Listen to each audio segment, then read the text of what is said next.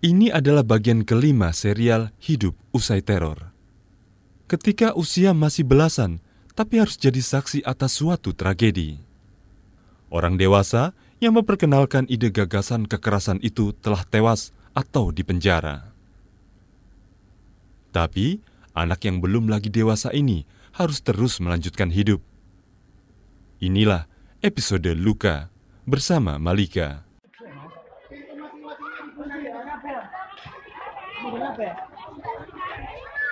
Yuni bukan nama sebenarnya. Seorang ibu dengan tiga anak dan suami teroris. Aku takut ya, ya anak-anak kan kejadiannya itu kan anak-anak di dalam, bapak kan gak ada juga di dalam. Aku takut ya, kejadiannya aku posisi duduk-duduk di luar, polisi semua datang. Jangan bergerak, anak-anak lari pintunya kan tak kasih palak gini mbak. Yeah. ya anak-anakku lari masuk semua ah, bapak istirahat tidur tiduran anu ayah disuruh sholat asar. Itu baru wudhu mbak ayah eh. baru wudhu jam lima nggak salah itu. Jam lima pokoknya sholat sholat kalau sama sama sekarang kalau saya dengar videonya wal akhirat. Itu kan pas kejadian tuh saya kadang nangis. Kadang saya istighfar ya Allah. Sore itu mestinya jadwal mandi gendis. 14 tahun dan adiknya semua berantakan begitu ada teriakan polisi. Ia melihat langsung bapaknya dikejar-kejar pasukan berseragam polisi. Mereka lantas dilarikan ke suatu tempat tanpa sempat mandi. Siti Muniro, tetangga sekaligus guru les gendis, bercerita tangan gendis terus mencengkram bahunya, sementara adik bungsu gendis membenamkan kepalanya ke suami Iro. Tangis gendis tak berkesudahan sama aku jadi nangis terus itu masih nangis aja takut mungkin takut hmm. gitu. Takut ya malu. Malunya dia ngomong gini mbak waktu jalan menuju ke mobilnya polisi itu. Hmm. aku lo Bu Iro besok gimana Bu Iro? Orang-orang apa membenci aku Bu Iro? Wis nggak usah dipikir gitu. Kan beda-beda orang itu. Hmm. kayak Bu Iro mau masih mau nungguin kamu kayak gitu kan. Kan wis nggak usah nggak usah anu pokoknya kamu nggak apa-apa iya kasihan sebetulnya histeris kayaknya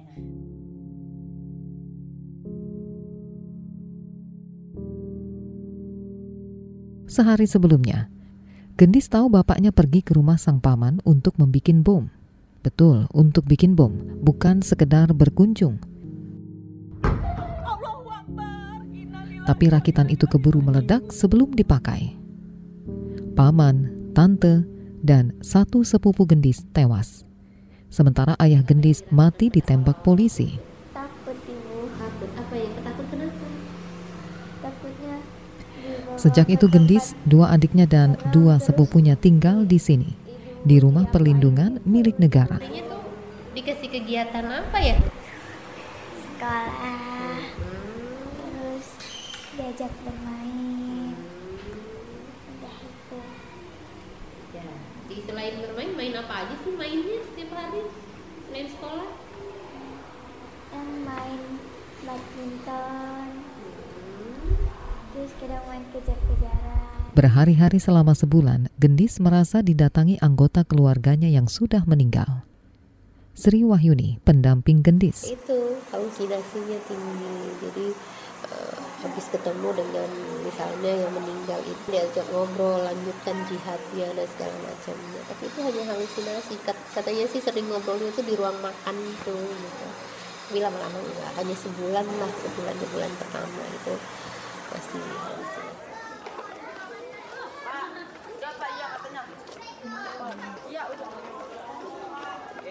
Di rumah ini ada 10 anak lainnya seperti Gendis, korban jaringan terorisme Tahun lalu ada 80-an anak untuk kasus serupa, plus seratusan anak dari kasus lainnya seperti kekerasan, korban kejahatan seksual, sampai perdagangan manusia.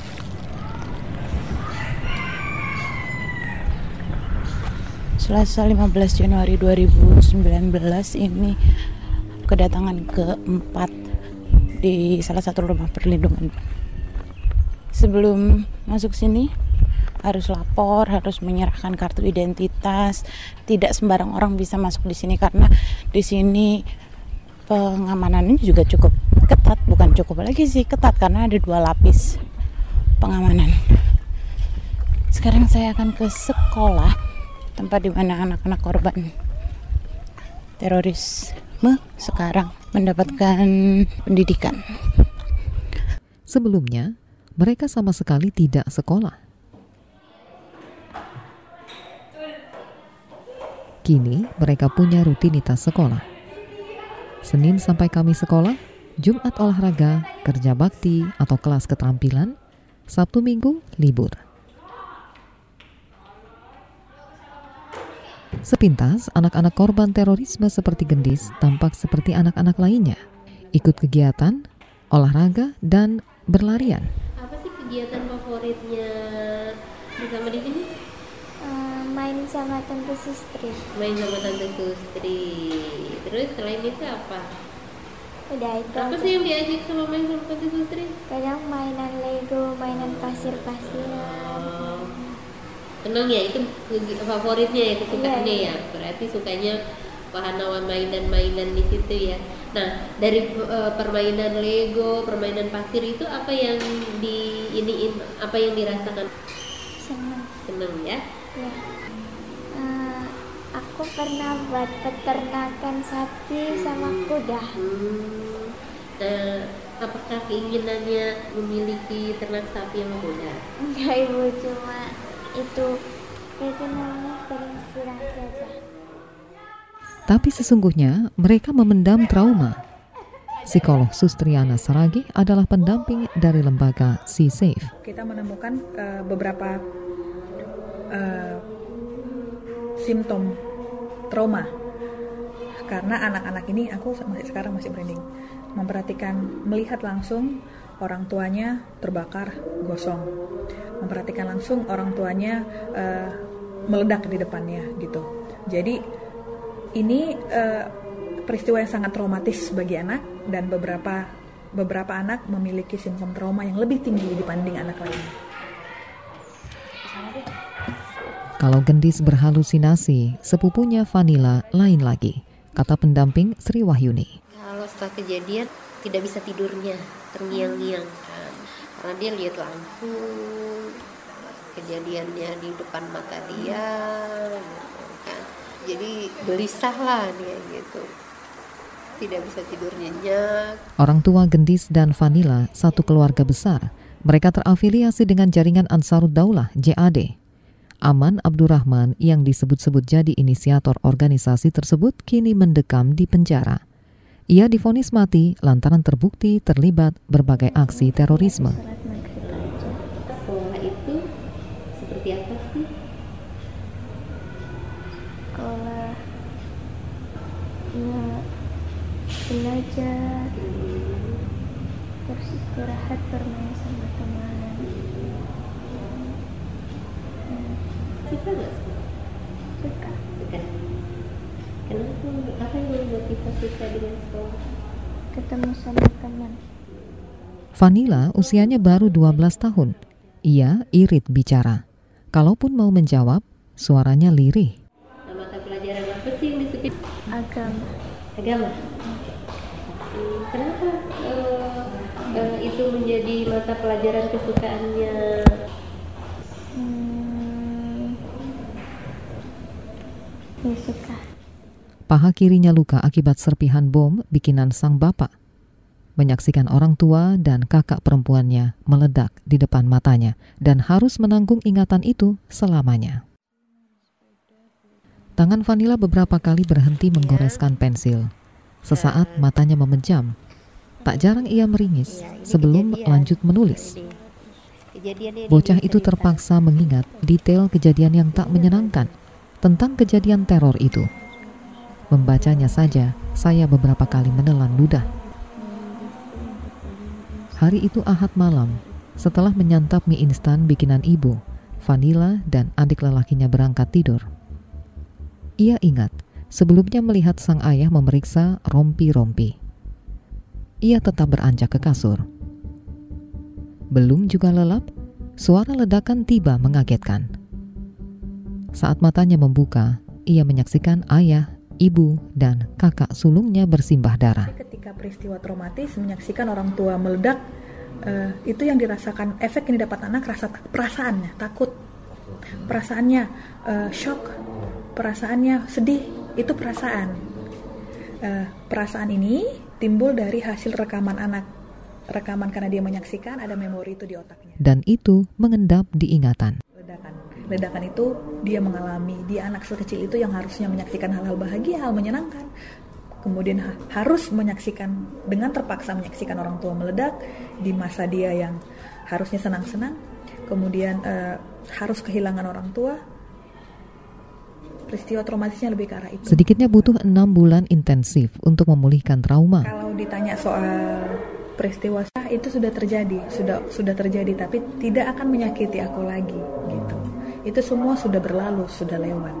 Tapi efeknya sekarang aku bisa bermain aku bisa senang-senang.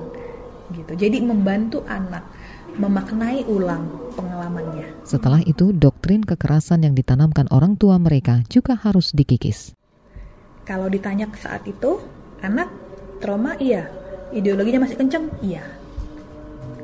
Kalau saya lihat anak-anak ini dari 6 dari 7 anak itu berkomitmen untuk eh, melakukan aksi terorisme. Kalau ditanya apakah mau ikut ngebom, mau. Apakah siap mati, mau. Siap mati siap. Kalau sekarang diajak ngebom, mau, mau. Langkah-langkah pemulihan trauma diharapkan bisa membantu anak-anak ini memutuskan tetap radikal atau memilih jalannya sendiri. Nah, beberapa anak kita ada yang pada saat bermain itu eh, isinya agresif semua, peperangan, peperangan, peperangan, peper- peperangan. Tapi setelah beberapa sesi, akhirnya agen-agen yang berperang itu bisa hidup dengan damai. Gitu. Itu setelah kan satu kali satu satu kali dalam seminggu.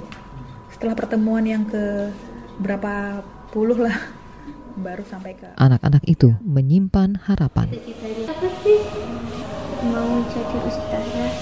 Jadi ustazah apa yang menginspirasi Pak Ija ingin jadi ustazah Ingin ngajarin ngaji. ada yang ingin disampaikan kepada Bu Yuni Ada. Hmm, ya, kalau saya sudah nggak di sini, ibu harus jaga diri baik-baik. Gendis ingin jadi dokter, ingin cepat pulang, ingin bertemu ibu, ingin tahu makam ayah. keinginannya ke depannya Mau jadi dokter, kalau nggak bisa jadi dokter, mau jadi Texas kayak ibu. Amin apa yang membuat terinspirasi dari ibu sebagai seorang pekerja sosial Apa itu? ya Allah Bisa menghadapi anak ABH dengan sabar, tulus, ikhlas.